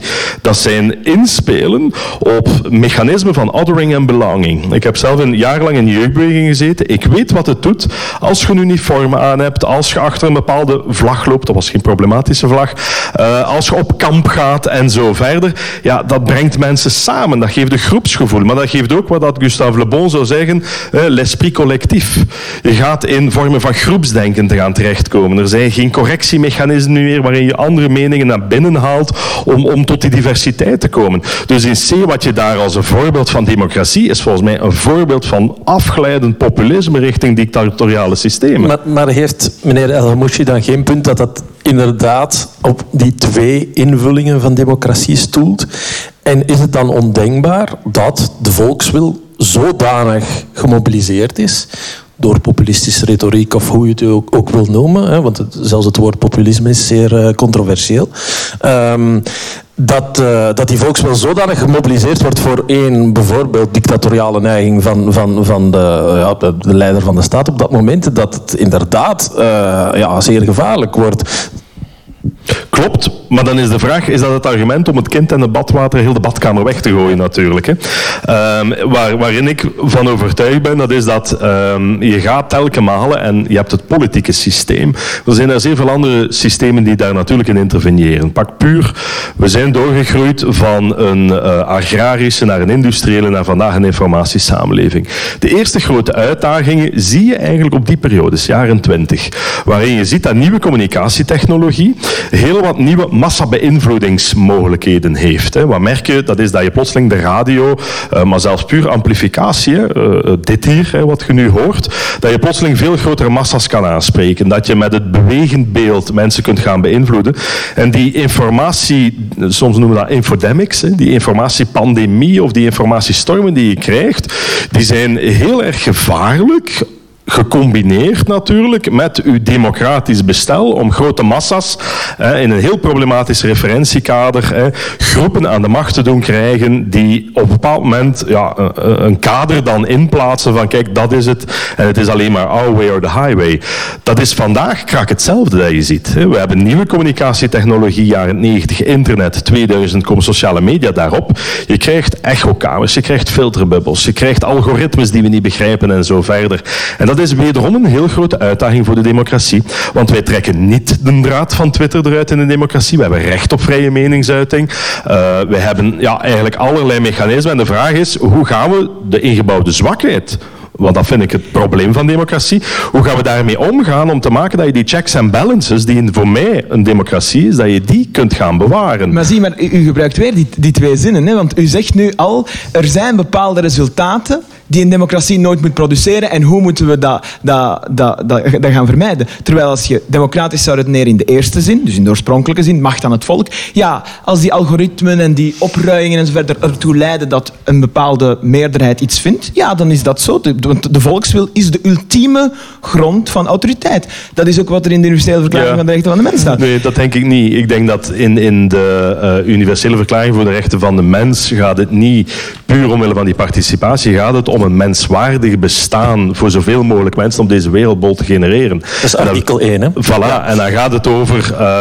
hoe ga je omtrent identiteit, omtrent welzijn, omtrent veiligheid, omtrent uh, al die aspecten daarin richtinggevende normen en waarden in gaan geven. Ja, maar, maar, het gaat over een zo groot mogelijke maximalisatie van welzijn van mensen op de wereld. Maar ik kan u citeren uit de universele verklaring. The will of the people shall be the basis of the authority of government. This shall be expressed in periodic and genuine elections which shall be, uh, which shall be by universal and equal suffrage and shall be led by secret uh, vote and by equivalent or by equivalent free voting procedures. The will of the people shall be the basis of the authority of government. Mm. Dat vind ik een heel, heel problematische stelling. Dat vind ik een heel problematische stelling. Mag ik uh, even overgaan naar een tweede topic? Ik had er zes voorbereid. Ze zijn een beetje uh, uh, in tijdsnood aan het komen, nu al. Um, maar ik wil even overgaan naar de, de, vrijheid van meningsuiting. Het is hier al herhaaldelijk gemeld. Um, u hebt in de standaard, was het, uh, als ik het goed heb, uh, een uh, opiniestuk geschreven naar aanleiding van het debat dat ontstond toen Mila, de 16-jarige Française, lelijke dingen over de islam zei nadat ze avances had gekregen op sociale media. Um, en u was daar zeer ontstemd over dat de, de 16-jarige zich uitsprak tegen de islam als, ja, het waren allemaal lelijke woorden die ik hier niet ga herhalen. Maar het, het, het, was vrij grof, het was vrij brutaal. En het heeft een zeer groot debat ontketend in, in Frankrijk. En daarin heeft u positie genomen en heeft gezegd van ja, ik vind dat eigenlijk niet kunnen. Wat mij um, niet duidelijk was op het einde van het stuk, was uh, vindt u nu eigenlijk dat zij dat niet had mogen zeggen, te koer? Dat daar vrijheid van meningsuiting moest worden? Um, ethisch. Ah, voilà. Dus laten we de twee, de twee zaken onderscheiden. Dus je hebt vrijheid van meningsuiting inderdaad in de ethische zin. Je kan dat eh, equivalent noemen met open debat of weet ik veel wat. En je hebt in juridische zin. In juridische zin, in mijn ideale wereld, zou ze uiteraard niet gestraft worden voor godslasterlijke uitspraken. En uiteraard alle geweldplegingen en, en doodsbedreigingen worden schandalig, moet niet gebeuren. Dat, dat is punt één. Maar de tweede vraag is, is het omdat iemand het recht heeft om winderig te zijn in een lift? Is het daarom dat, dat die persoon een volksheld is? Of weet ik veel, iets ethisch verheven doet. Of zo. Dat, dat vind ik dus wat ik mij in dat stuk tegen verzette, was ja, laten we zeggen, de verheerlijking van dat meisje als een soort van icoon van de vrije meningsuiting, van uh, het gevecht tegen religieus dogma. Zij heeft uh, op uh, heel ja, ehm, uh, moedwillige wijze de sentimenten van mensen proberen schaden met heel degutante woorden, inderdaad. Um, dus voilà, ik, ik, ik, weet niet dat ze verheven moet worden tot volksstad nu. nu. Dat was misschien ook niet het geval. Hè. Ze werd niet echt verheven als volksstad. En iemand als Ludo Abicht bijvoorbeeld heeft op knak.be dan weer een stuk geschreven om te zeggen als je uh, Charlie bent, dan moet je ook Mila zijn. Dus je moet beide posities kunnen verdedigen. Ja, ja maar ik ben, uh, misschien niet in de kwaliteitsmedia, maar ik bedoel op sociale media, waar, en zeker en ook Front Heeft dat allemaal gerecupereerd als zijnde, ja, voilà, religieus dogma dat ons probeert te onderwerpen en blablabla. Bla, bla. En toen, in die zin was ze echt een heldin tegen, in het, de strijd tegen religieus dogma. Dat is waar ik mij tegen verzet. Ja. Dat is waar ik te, mij ja. tegen verzet. Oké, okay, ja. Meneer Bush, vond u dat problematisch wat zij zei over de islam? Um, ik, ik vond het, uh, ja, het is uh, een, een, taalgebruik dat ik niet zou hanteren, maar het is wel iets dat zou moeten kunnen.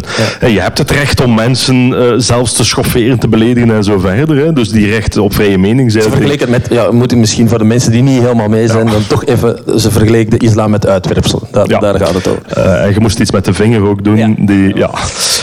Um, nu goed, waar, waar ik denk dat van belang is, is dat het recht op vrije meningsuiting zo breed mogelijk moet ingevuld worden. En dat wil zeggen dat je Charlie Hebdo mag doen ja, het is niet mijn stijl. Ik ben ook niet na de aanslagen Charlie Hebdo gaan kopen. Miljoenen mensen blijkbaar wel. Goed, het is niet mijn stijl, maar wat zeg Het heeft niet lang geduurd. Het, heeft, ja, het is weer afgetopt op andere dorpen. Maar eh, ik denk dat dat moet kunnen. Uh, maar dat je inderdaad correctiemechanismen hebt. En zo werken ook die, die mensenrechten ten opzichte van elkaar. Als je niet uh, oproept tot haat, discriminatie of geweld.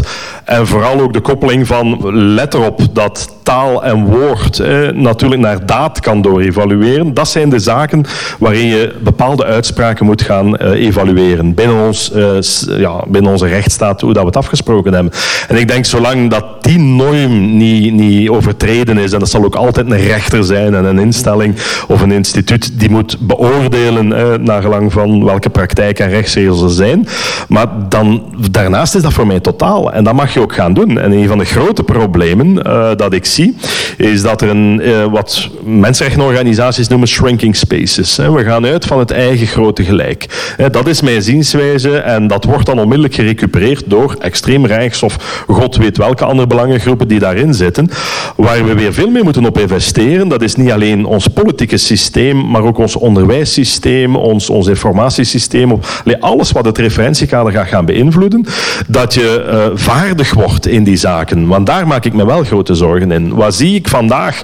Uh, dialogische vaardigheden of argumentatieleer, dat zijn mensen die rechten studeren. Die in de advocatuur of magistraat worden, waarin het een heel belangrijk onderdeel van de job is dat je met argumentatieleer bezig bent, dat je drogredeneringen uh, weet te doorprikken en zo verder. Ik denk dat je dat al in de kleuterklas moet doen. Dat burgerschap aanleren eigenlijk niet zozeer is van, ja, hier, dat is het pakketje dat je moet volgen als je dat kent, is het goed. Of dit setje van normen of waarden of preambule tot de grondwet moet ondertekenen en dan zijn een goeie. Nee, het gaat over die vaardigheden. Over uh, let's agree to disagree. Over uh, te leren dialogeren waarin het uitkomst niet moet zijn dat je uh, de keuze van het grote gelijk volgt en zo verder. En dat is... Alweer een vraag dat bij een pragmatische vraag zal dat sterk genoeg blijken, want u heeft het daarnet zelf gehad over de ontwrichtende werking van nieuwe media. U, u verwees voor de oorlog naar, naar radio en uh, microfoons en dat soort van dingen. Maar nu zitten we, dat uh, hoef ik niemand te vertellen, met sociale media. En je ziet dat die ontwrichtende kracht enorm is. Um, kan je dat oplossen met een, met een, met, met een onderwijs, met, met kleuterschool, ja. vak of attituden aanleren? Mijn bezorgdheid is dat de tendensen te snel gaan ten opzichte van hoe traag het duurt om trendburgerschap en, en onderwijs bezig te zijn. Dus op dat vlak ben ik niet zo positief ingesteld. Maar wil ik wel zeggen, er is geen andere optie. Voor mij is het geen optie om, eh, denk nu aan, aan, aan uh, mijn voorbeeld van terrorisme, om te gaan zeggen van ja jongens, kom goed, weten wat, we willen toch allemaal veiligheid. Hè? We gaan die en die en die rechten opgeven, want... En dat kan je in elke logica gaan gebruiken. Elke ideologie kan zo, of, of religie kan zo een pad gaan volgen waarin dat je eigenlijk een aantal ingrediënten van die mensenrechten gaat gaan wegnemen, zo gezegd voor een hoger goed, dat populistisch mooi klinkt, ja, dan heb je eigenlijk volgens mij een garantie op miserie. En dat is wat de geschiedenis ook gaat gaan tonen. Dus op het moment dat je met zulke uitdagingen geconfronteerd wordt, dan denk ik dat je vooral goed moet nadenken, opschalen, maken dat je de sense of urgency dat dat daar is. Ik merk zelf bijvoorbeeld dat na de Tweede Wereldoorlog ons economisch internationaal systeem is een heel belangrijk ingrediënt geweest om, om checks en balances, om voormalige allez, potentiële conflicten te gaan indijken. Dat is ook het grote verschil. Ja, jaren 30 zijn terug, ja, maar daar zit je veel meer in een nazistaatlogica. We zitten nu in een veel grotere internationale, ook economische verweven context die daar rem op doet. Dus er zijn ook heel veel toolkits en voordelen die we volgens mij veel te weinig strategisch gaan gebruiken om dat model, die democratie, die mensenrechten, uh, verder te gaan uh, ja, valideren. En, en gaat er ook vanuit, dat is ook geen geëikte set aan. Het heeft altijd te maken met interpretatie, connectie en zo verder. Dus ook die mensenrechten zullen moeten evolueren. Uh, maar voor mij is het van belang dat je uitgaat van een universaliteit, dat je van een inclusieve universaliteit uitgaat. En dan is dat volgens mij het best mogelijke systeem om niet opnieuw in, in onwelzijnssituaties terecht te komen wat we trachten te verhinderen. Ja, meneer El Mouchi, een uh, drietal weken geleden gaf uh, Ursula von der Leyen haar State of the Union, de, de voorzitter van de Europese Commissie. En zij verwees daar niet expliciet, maar wel duidelijk naar het carnaval in Aalst, um, waar karikaturen van Joodse mensen werden rondgevoerd. Wat vond u van, van die karikaturen, van die carnavalstoet? Ja, ik vind dat natuurlijk absoluut schandalig en beledigend en getuigen van slechte smaak en achterlijk en alles wat je wilt. Natuurlijk, ik ben het helemaal met, met uh, meneer Bush eens dat dat niet verboden moet worden. Maar wat mij veel interessanter lijkt dan die symbolische discussies rond Mila of rond uh, carnaval van Aalst en zo verder, is de, echt, de discussies die gaan over reële uh, politieke vrije meningsuiting. En dat is dan weer verbonden met het vorige onderwerp, namelijk die democratie. Want wat mijn hart, wat mijn liberaal, liberaal-conservatieve hart mij vertelt, is ik zou, ik zou heel graag het systeem hebben van de Verenigde Staten, waarin dat de First Amendment daar is en die zegt, ja, de, geen enkele beperking op vrije meningsuiting is mogelijk. Maar dat, dat gaat in de Verenigde Staten gepaard met een veel minder democratisch bestel. Waardoor dat het veel minder uitmaakt wat de meerderheid van de bevolking vindt voor het welzijn en de rechten Hoe bedoelt u dat precies? Waarom, waarom zou de, de Verenigde Staten... Je hebt daar bijvoorbeeld een heel sterke grondwet die religieuze, culturele, etnische minderheden enorm sterk beschermt. Heel veel mensen schieten in paniek. Dat is bij ons toch ook zo? Oh, dat, dat, denk ik niet. Uh, kijk naar bijvoorbeeld wat het Grondwettelijk Hof heeft gezegd over de, de hoofdelijke verbod op een hogeschool. Hè? Geen, geen, geen middelbare school, een hogeschool was, was gerechtvaardigd. Nee, nee, ik geloof totaal niet. Zeker, uh, en het Europese Hof, bijna elke zaak van beperking van uh, religieuze en vestimentaire vrijheden die naar het Europese Hof van de Rechten van de Mens wordt gebracht, meestal tegen Frankrijk of België, wordt beslecht in het voordeel van de lidstaten. Terwijl in de Verenigde Staten heel veel mensen gaan schieten in paniekmodus over Trump. En natuurlijk, Trump is een idioot. Maar een moslimban, een travelban voor, voor moslims? dat is iets anders, dat is voor buitenlanders. Daar, daar heb ik veel minder problemen mee. Je beslist zelf wie in je land komt en zo verder. Maar voor moslims in de Verenigde Staten en voor andere minderheden heeft hij veel minder kunnen doen, louter omdat al zijn maatregelen door de Supreme Court worden uh, ongedaan gemaakt. Hè. Dus bijvoorbeeld een, een, een oppergerechtshof in de Het werd wel even spannend, toch? Hè? Bij, bij Maar het oppergerechtshof, ik geef u een voorbeeld. Hè. Het oppergerechtshof is nu, uh, heeft nu twee extra zogenaamde ultraconservatieven die, da die daarin zetelen. En er kwam een zaak, een paar, paar maanden geleden, mogen transgenders gediscrimineerd worden in de... Uh, nee, uh, in het algemeen, hè, dus ook en het Hof, met twee ultraconservatieven, heeft beslist dat de wetgeving tegen discriminatie van vrouwen ook van toepassing is op discriminatie van homoseksuelen. Dus daar is een heel sterke traditie van presumptie dat de staat verkeerd is. Als de staat iets wil opleggen, dan moet zij heel sterk bewijzen dat ze in het gelijk is. En daardoor maakt het daar ook veel minder uit wat dan mensen denken. Zelfs, als, zelfs in de tijd dat... Eh, uh, ja, drie, twee derde meerderheden dachten dat homoseksualiteit verkeerd was. Enfin, verkeerd. Dus dachten dat het verboden moest worden, was het nog steeds legaal. juist door die grondwet. Maar, nu, maar de politisering van het Supreme Court is volop aan de gang, hè? Ja, maar ik, ik, ik, zoals ik al zei, ik zeg het, politisering, dat, dat wordt allemaal bij ons heel uh, sterk opgevoerd als een vreselijk ding, maar dat gaat over zo van die kwesties als, uh, als uh, abortus, waarover dat, ik denk dat er meer vrije meningsuiting, meer meningsverschil mogelijk is, maar over kwesties van persoonlijke vrijheid, met wie mag ik slapen, wat mag ik dragen, wie mag ik aanbidden, daar is de Supreme Court, ongeacht van wie dat erop zetelt, heeft daar een heel sterke traditie in dat ze de individuele rechten en vrijheden waarborgt. Wat je nog meer hebt in de Verenigde Staten is uh, dat, dat, dat dat politiek systeem compleet, ja, we noemen dat dysfunctioneel, ik noem dat heel traag. Dus uh, een van mijn grote helden is de voor, voor, uh, wijlen voormalige opperrechter van de Verenigde Staten, Antonin Scalia, de grote katholieke conservatief. En die is eens komen uitleggen in de Senaat hoe dat Amerikaanse systeem functioneert en waarom het volgens hem zo geweldig is. En hij zegt, als een, als een minderheid in Amerika echt, echt, echt tegen een wetgeving is. Echt, ze kunnen niet leven in dit land als die wetgeving er komt. Dan is het eigenlijk niet zo vreselijk moeilijk om een spaak in het Amerikaanse systeem te steken dat die wetgeving blokkeert. Je kan dat via de Senaat doen, die heel ondemocratisch is. Je kan dat via allerlei andere mechanismen. De Supreme Court is heel ondemocratisch. Dus het is eigenlijk niet zo moeilijk om uh, wetgeving te blokkeren die de meerderheid wil. Dus daar is het voor mij veel minder relevant ja, welke achterlijke ideologieën de, de, de, de meerderheid kunnen gaan infecteren. Terwijl hier bij ons is het veel, veel belangrijker, want je hebt hier een veel grotere centralisering van de macht en een veel grotere democratisering. Ja. Even terug naar wat u in het begin zei, de politieke uh, uitoefening van uw vrijheid van meningsuiting. Waarom vindt u dat belangrijker en wat bedoelt u daar precies mee? Omdat ik denk dat wij de wetten, dus in, in onze context waarin dat je inderdaad zit met het feit dat wat de meerderheid vindt veel belangrijker is en een veel grotere bedreiging voor, voor minderheden, denk ik dat er op politieke vrije meningsuiting voorlopig uh, veel strengere uh, beperkingen moeten zijn. En die zijn er ook wel technisch gezien in al die verdragen. Dus als je de... de wat bedoelt u dan precies, concreet? Ah, wel, bijvoorbeeld dat we de, in, in bijna alle uh, verdragen, mensenrechtenverdragen, staat dat vrije meningsuiting niet gebruikt mag worden om hetze te stoken, om haat aan te zetten enzovoort. Mm. En dat wordt bijna nooit toegepast. Ik bedoel, we hebben de, de, nu de interim voorzitter van het Vlaams parlement is Philippe de Winter, die een paar weken geleden uh, op, zijn, uh, op zijn sociale media zei dat interraciale huwelijken een vorm van omvolking zijn en vreselijk enzovoort. Waarom is, wordt dat niet beschouwd als aanzet als... Moet daar tegen opgetreden worden? Tuurlijk, ja. absoluut. Dus er moet een proces komen tegen hebben. Zolang dat we het systeem hebben waarin dat wat de bevolking vindt zo ongelooflijk belangrijk is. Dat wil ik toch even voorleggen aan meneer Bush. Uh, dat laatste dat kan ik delen natuurlijk. Toen moet daar tegen opgetreden worden. Uh, ik ga het voorbeeld geven van, van Dries Verlangenhoven, Schild en Vrienden nu, wat we allemaal op de Pano-reportage gezien hebben, uh, wat we zien op, op uh, Facebook-kanalen van bepaalde extreemrechtse politici, is bijzonder zorgwekkend en komt eigenlijk op het probleem van, uh, is dit aanzetten tot haatdiscriminatie en gaat je hier van woord naar daad gaan?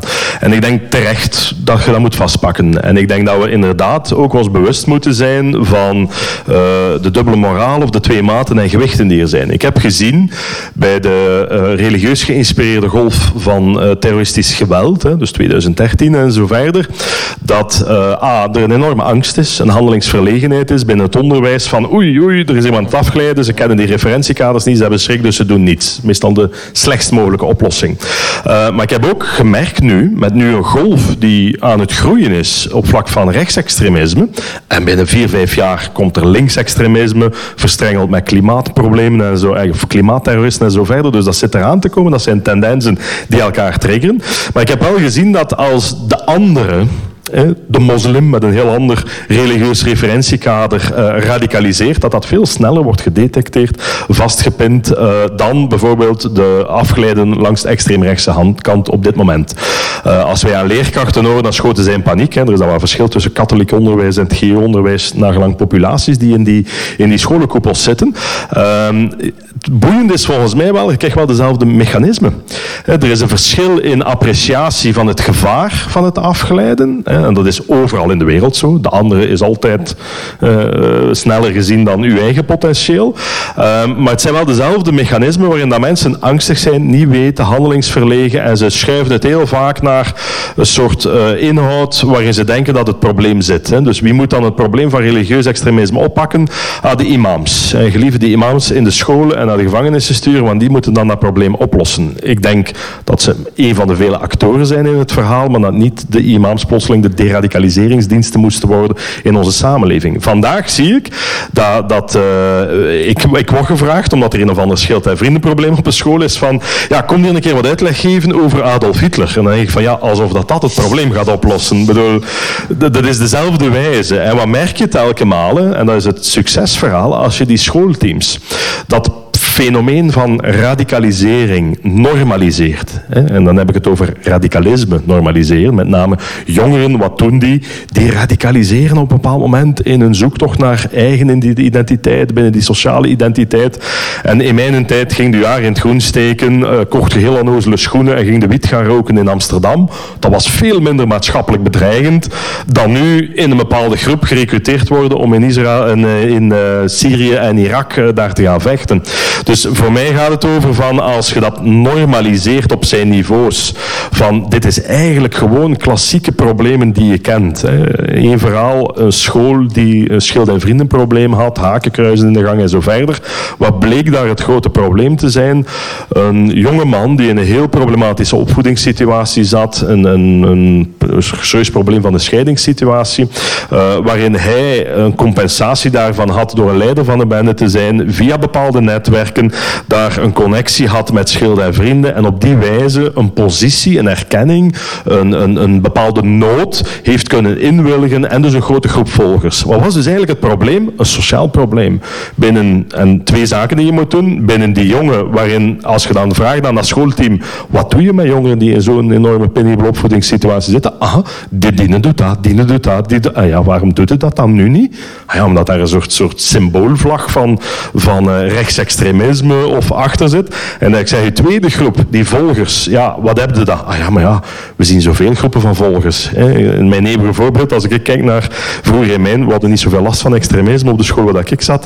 Uh, maar als je daar gaat kijken, als ik bij die groep wou behoren, dan moest ik naar die muziek, uh, die, die cultuur aanhangen, die kledij dragen. Ja, dat doen jongeren op dat moment. En voor mij gaat het dus, als je kijkt naar de uitdagingen waar we over gaan, is zij voorzichtig met een dubbele moraal, benoemt de fenomenen, kijkt naar de onderliggende mechanismen die allemaal universeel zijn, waarin het evident is dat je een ander zijn kwaadaardig potentieel sneller gaat zien dan je eigen kwaadaardig potentieel. Maar dat zijn allemaal zaken waarin, volgens mij, de democratie en de mensenrechten toe bijdragen. En op het moment dat je dat niet gaat doen, dan ga je volgens mij afglijden in referentiekaders die heel problematisch zijn. Je hebt je institutioneel systeem, maar het zijn niet de instituties, uh, God weet wel voor uh, gerechtelijk uh, niveau dat je hebt. Het zijn de mensen die daarin zitten. En het gaat over het afgeleiden van referentiekaders. En daarin denk ik dat wederom de wijze waarin het moet georganiseerd worden op basis van de mensenrechten, dat je tot de grootste dynamiek, diversiteit gaat komen dan één bepaalde richting. En dat zien we nu gebeuren. Dat als ik nu kijk naar de States, um, het voorbeeld van complottheorieën, dat is geëxplodeerd op dit moment. We zien jongeren die uit de lockdownperiode komen, vanuit de online wereld naar de fysieke realiteit, waarin dan medewerkers die met het sociaal weefsel zich een breuk verschieten over welke klap dat daaruit komt. En dan gaat dat over, dat virus is een complot, het heeft te maken met Bill Gates China en zo ver. Ja, als je dat niet gaat aanpakken met vereende kracht, waarin, en dat is een van de meest belangrijke quotes van Hannah Arendt vind ik uit haar werk van totalitarisme. Als je geen onderscheid kunt maken. Ja. Als je geen onderscheid gaat maken tussen feit en fictie, of als dat onderscheid verdwijnt waar we vandaag met volle vaart doorgaan, dan kom je in de problemenzone en dan ga je die totalitaire mechanismen weer opnieuw gaan zien. En ik denk dat dat het grote probleem is, dat afgeleide referentiekaders, of dat die uit ideologie of, of religie komen en zo verder. Het moment dat je feit en wetenschappelijkheid loslaat, dan kom je in de gevarenzone en dat is wat we nu volop zien gebeuren. Maar dat is geen argument om, om dit allemaal weg te gooien. Maar uh, als ik nog, Nog- één nog- ding mag nog één zeggen, reactie ja, ehm, maar juist omdat wij zo gehecht zijn aan dat democratisch dogmatisme, ga je hebben dat de mensen met dat wat u noemt een afgeleide referentiekader met die achterlijke denkbeelden en die, en die onwetenschappelijke zever, die, gaan in, die zijn heel goed op weg om de meerderheid te vormen in, in de meeste regeringen. En dan is uw hele idee... Ja, Ja, maar ik noem ze niet achterlijk en zo verder. Hè. Een mooi voorbeeld is eh, de groei van eh, mensen die eh, lid zijn van de Flat Earth Society. Mensen die zeggen van de aarde is geen bol, ze platte schijf, want anders valt er van in een bol. Ehm, dat botst enorm met mijn referentiekader. Ik heb het anders geleerd. Zij zeggen dat dat een complot is van NASA. Ik hoor dat het al van veel verder terug gaat, dat complot. Waar het bij mij over gaat is van, dat zijn mensen die op basis van bepaalde noden in dat referentiekader zijn gestapt. Als je die trajecten volgt, dan gaat dat over. Ik was een niemand en op een bepaald moment lanceer ik dat idee met een aantal mooie graphics en ik krijg een hele community achter mij. Zoals dat Dries van Langenhoven ook zei van, ik eh, doe daar wat beveiliging. Op een bepaald moment, na, na een post, krijg je plotseling een hele community voor mij en kan ik hier iets betekenen en worden bepaalde noden ingewildigd. Het gevaarlijke daarin is dat ehm, als mensen rationeel denken en handelen binnen absurde referentiekaders, die niet op wetenschap en feit gebaseerd zijn, dat je gegarandeerd miserie Hè. Mijn eeuwige voorbeeld is, als je gelooft dat de wereld plat is, hè, die eerste voorstellingen, daar viel dat water van de schijf. Dat is achteraf een probleem, dan krijg je dan betante vragen van waar komt dat nieuw water? Hè? Ah ja, nee, het is toegevroren. En dan zeggen ze een doom rond, dus, dus ook die, die complottheorieën evolueren. Maar als je heel rationeel denkt en handelt binnen zo'n absurd referentiekader, niet op wetenschap gebaseerd, en de wetenschap heeft ook afgegleden, hè, het biologisch racisme, ja, dan krijg je heel problematisch gedrag. Want je gaat bijvoorbeeld, als ik u uitnodig om mee, mee op cruise te gaan, volledig betaald, dan ga je niet meegaan. Waarom? Ja, die een boot kan van die schijf vallen. Absoluut. Als je denkt dat eh, de wereld moet gebaseerd zijn op ras, en je hebt superieure rassen en inferieure rassen, dan ga je problematisch gedrag naar de inferieure rassen. Als je denkt dat de wereld moet gebaseerd zijn op een bepaalde invulling van een religie, hè, eh, pak het politiek salafisme, en je denkt van kijk, dat is de ene goede religie en al de rest zijn ongelovigen, dan ga je problematisch gedrag stellen naar beneden. Uw, reactie is om te zeggen, ja, die mensen moeten nog steeds een gelijke stem hebben als het komt op politieke aangelegenheden, wat ervoor zorgt dat ze vaker meerderheden krijgen. En dan is het gedaan met het hele plan om ze een deftig referentiekader te geven, want dan hebben ze inderdaad de staat beheerst. Dat punt eh, hebt u gemaakt. Ehm, ik begrijp dat we al moeten afronden, zeer tot mijn eh, spijt. Ehm, ik eh, wil eh, meneer Bush bedanken, ik wil meneer Hamouchi bedanken, ik wil het dotatiefonds bedanken, het Letterenhuis. En vooral wil ik jullie allemaal in de zaal bedanken om naar hier te komen. Hartelijk dank.